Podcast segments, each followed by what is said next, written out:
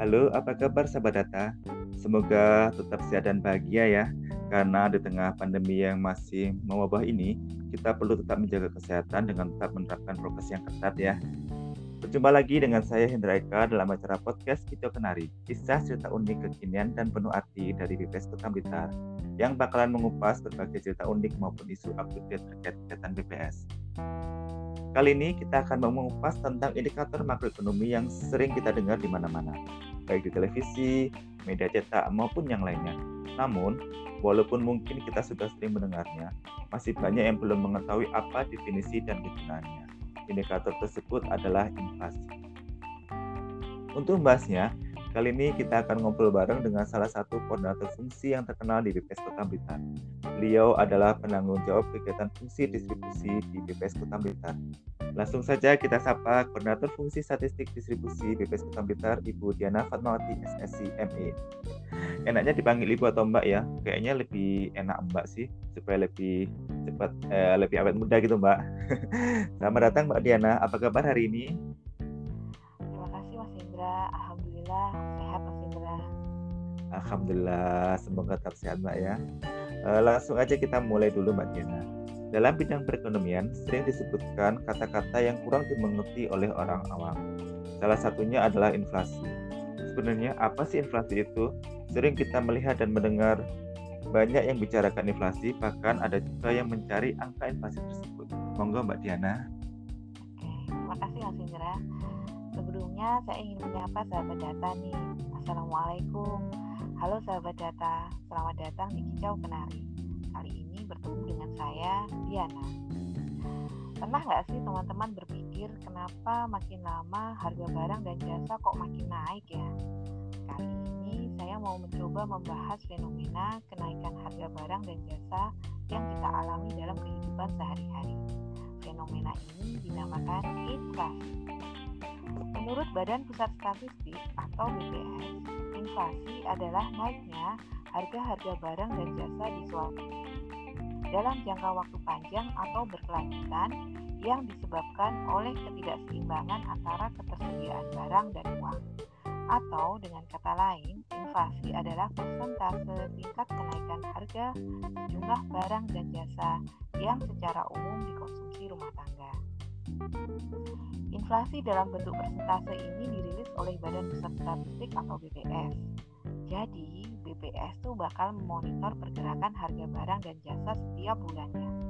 Yang dimonitor itu macam-macam ya, mulai dari harga-harga kebutuhan pokok, perumahan, listrik, pendidikan, kesehatan, transportasi, bahan bakar, sampai rekreasi.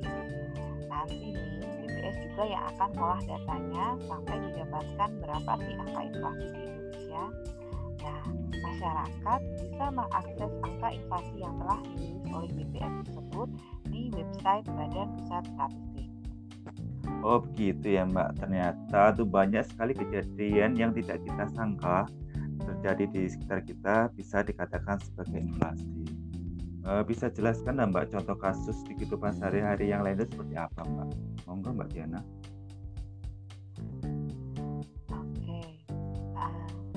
Dalam kehidupan sehari-hari yang mungkin mencerminkan inflasi ya. Hmm, ingat nggak sih harga bakso pas dulu kita sekolah paling cuma seribu rupiah ya per porsi. Terus sekarang harga bakso itu bisa mencapai sepuluh ribu rupiah per mangkoknya. Ongkos di sekitar Malang 10 tahun yang lalu itu cuma sekitar 12-an ribu dan sekarang di tahun 2021 sudah 25 ribuan atau mungkin kita bisa lihat harga rata-rata beras menurut data dari Badan Pusat Statistik harga rata-rata beras di bulan Juli tahun 2010 7.000 per kilogram 7.000 rupiah per kilogram nah sedangkan di bulan Juli 2021 harga rata-rata beras mencapai Rp9.000 per kilogram. Harga rata-rata beras naik sekitar 28% ya per kilogramnya dalam 11 tahun terakhir. Nah, gimana sahabat data? Semoga sudah lebih paham tentang inflasi ya. Lanjut dulu nih Mbak. Setelah memahami pengertian inflasi tersebut, selanjutnya yang menjadi pertanyaan adalah apa penyebab inflasi? Inflasi tentu tidak semata-mata terjadi begitu saja. Bisa dijelaskan Mbak faktor-faktor apa saja yang dapat menyebabkan terjadinya inflasi? Betul sekali Mas Indra, ada beberapa faktor penyebab inflasi. Dalam ilmu ekonomi, penyebab inflasi itu bisa kompleks banget.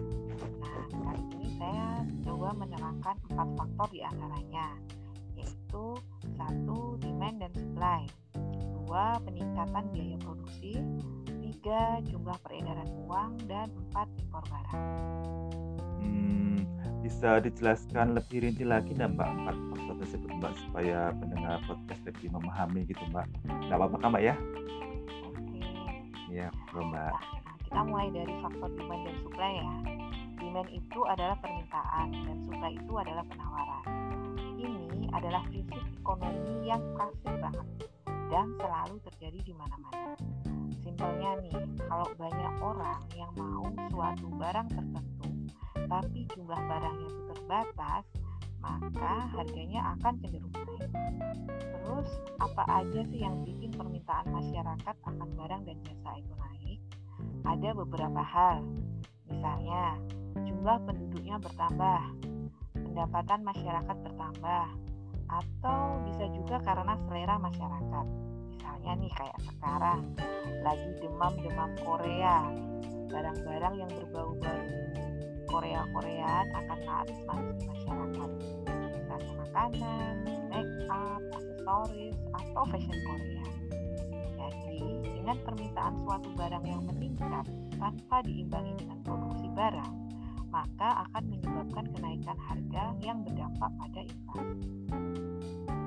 Lanjut ya ke poin selanjutnya yaitu meningkatnya biaya produksi. Barang-barang yang kita pakai sehari-hari kan diproduksi oleh suatu perusahaan atau industri yang mungkin biasa kita sebut sebagai produsen. Di dalam proses produksi, produsen harus mengeluarkan biaya produksi untuk beli-beli bahan baku, untuk beli mesin produksi, bayar tenaga kerja, bayar distribusi, dan lain-lain.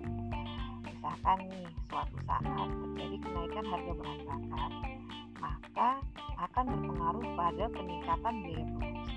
Kok bisa? Kenaikan harga bahan bakar akan menyebabkan kenaikan biaya distribusi bahan baku. Ini menyebabkan terjadinya kenaikan harga bahan baku. Nah, dengan adanya kenaikan harga bahan baku dan biaya distribusi menyebabkan meningkatnya biaya produksi sehingga memaksa produsen untuk menjual produknya lebih mahal ke konsumen atau dengan kata lain terjadi. Poin selanjutnya yaitu jumlah uang yang beredar. Kita pakai contoh dulu ya. Hmm, menjelang hari raya lebaran, para pegawai atau pekerja umumnya dapat kan otomatis pada bulan tersebut mereka dapat uang lebih banyak dari bulan-bulan sebelumnya.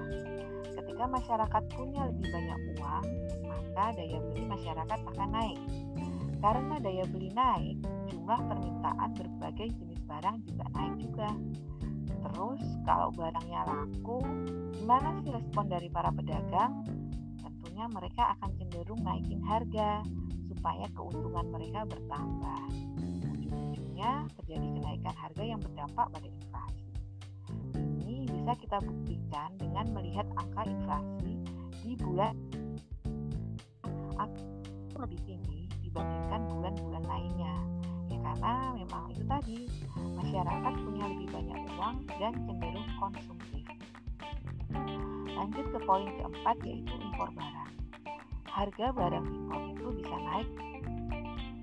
Misalnya, negara asal produk mengalami inflasi yang tinggi atau karena ada kebijakan baru di Cukai sehingga ada penambahan potongan pajak, biaya administrasi, dan lain-lain. Nah, kalau di negara Indonesia, maka mereka akan menjual barang ke konsumen di Indonesia dengan harga yang lebih mahal lagi kan? Hal inilah yang menyebabkan kenaikan harga. Singkatnya sih, inflasi itu bukan hanya bisa disebabkan oleh kondisi dan kebijakan di dalam negeri saja, tapi inflasi bisa terjadi karena Wah, ternyata kalau kita ngobrol tentang inflasi itu banyak banget ya. Uh, mungkin untuk uh, penjelasan lebih lanjut bisa disambung di podcast selanjutnya aja ya Mbak Diana ya. Nah ini pertanyaan terakhir untuk, untuk Mbak Diana. Oke, barangkali ada pesan untuk para pendengar podcast kali ini Mbak, monggo disampaikan. teman-teman, data-data yang dirilis BPS bukan hanya hasil kerja dari BPS sendiri ya, tapi juga butuh support data dari OPD dan kerjasama yang baik dari masyarakat sebagai responden. So, terima kasih banyak kepada OPD dan masyarakat yang selama ini telah bekerja sama dengan baik. Semoga ke depannya kita bisa bekerja sama dengan jauh lebih baik lagi. Semoga podcast kali ini bisa bermanfaat untuk kita semua. Terima kasih dan sehat selalu ya. Nah, terima kasih atas penjelasannya lengkap dan komprehensif dari Mbak Diana. Dan juga berikan terima kasih atas kesediaan dan waktu di sela kesibukan Mbak Diana selama ini. Sukses terus untuk Mbak Diana dan BPS Kota Blitar. Nah, sahabat data, demikianlah podcast Kicau Kenari kita kali ini tentang inflasi. Saya Hendra Eka, mohon maaf jika ada yang kurang berkenan. Terima kasih atas atensi sahabat data sekalian. Sampai jumpa di episode Kicau Kenari berikutnya. Salam sehat selalu dan wassalamualaikum warahmatullahi wabarakatuh.